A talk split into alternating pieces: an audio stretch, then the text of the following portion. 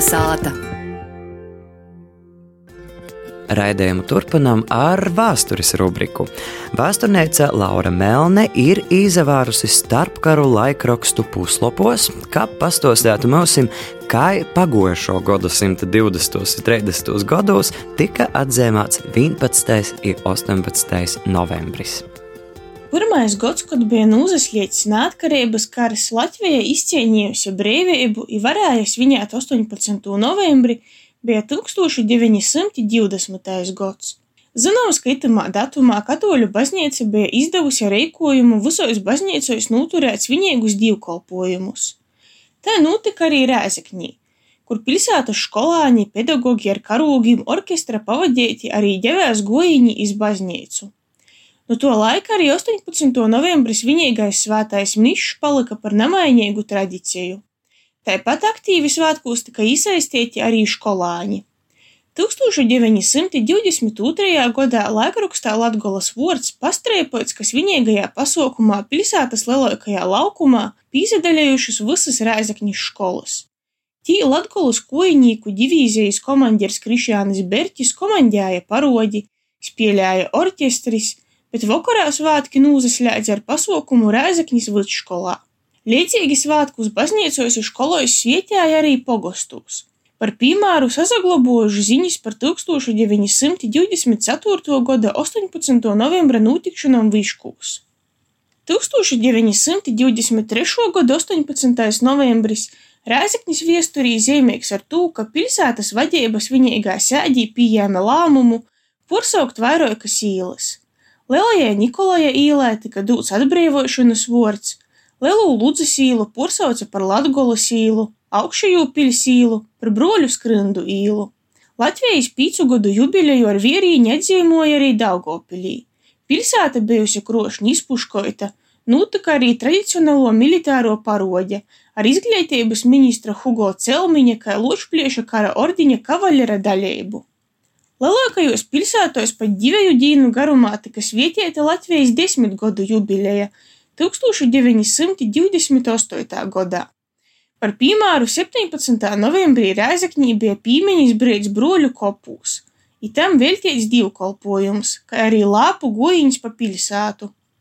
17. novembris tika pasludināts par tautas sāru dīnu, kaut nenotiek izprīcu pasaukumi, bet tiek pieminēti neatkarības karā kritušī.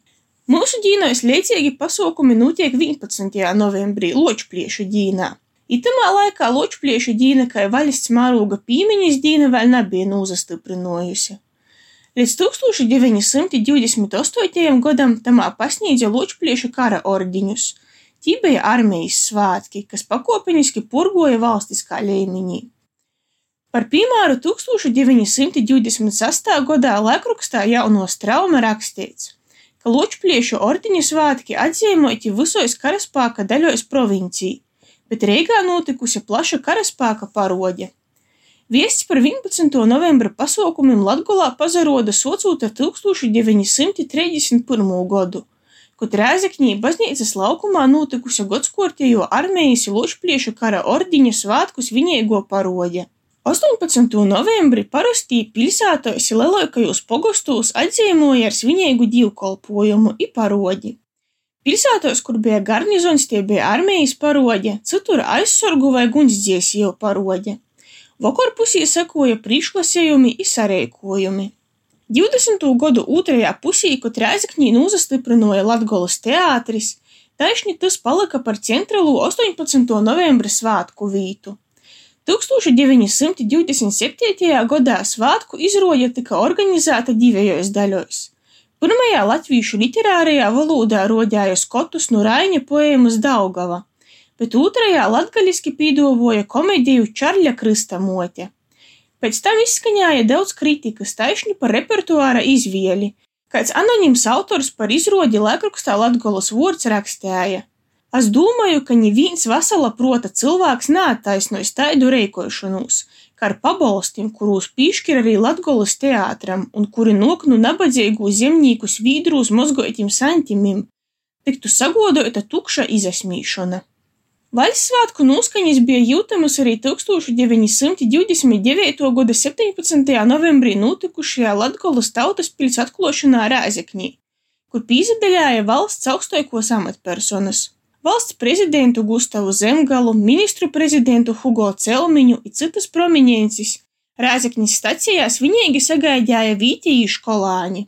30. gadu pirmajā pusī tautas pilī 18. novembrī notika dažādi koncerti.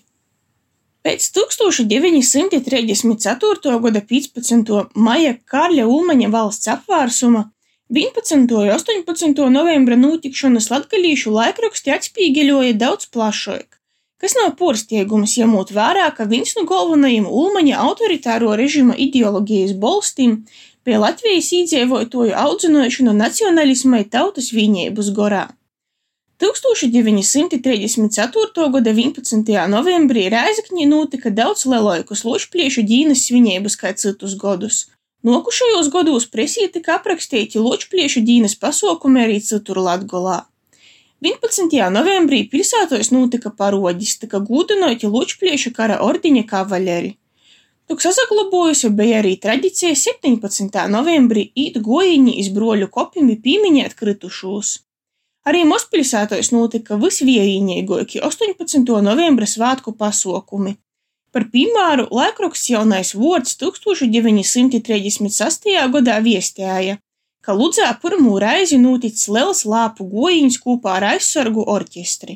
Kā īpašu valsts svētku notikšanu var izcelt 1935. gadā Latgolas teātrī notikušo pirmizrodi Antona Rupaiņa lugai, kad pirmī gaili dzīdoja kas bija veltīta Pītera Miglinīka personībai.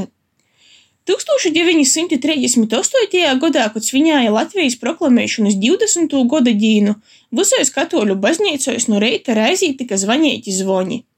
Bez jau vīrastom notikšanām Rēzakņī bez maksas tika pīdovota īspēja vērtīs svātku kinas, bet vairākos pogostos un mazpilsētos notika arī svātku uguņošana. Laura Melne speciāli kolonizētāji.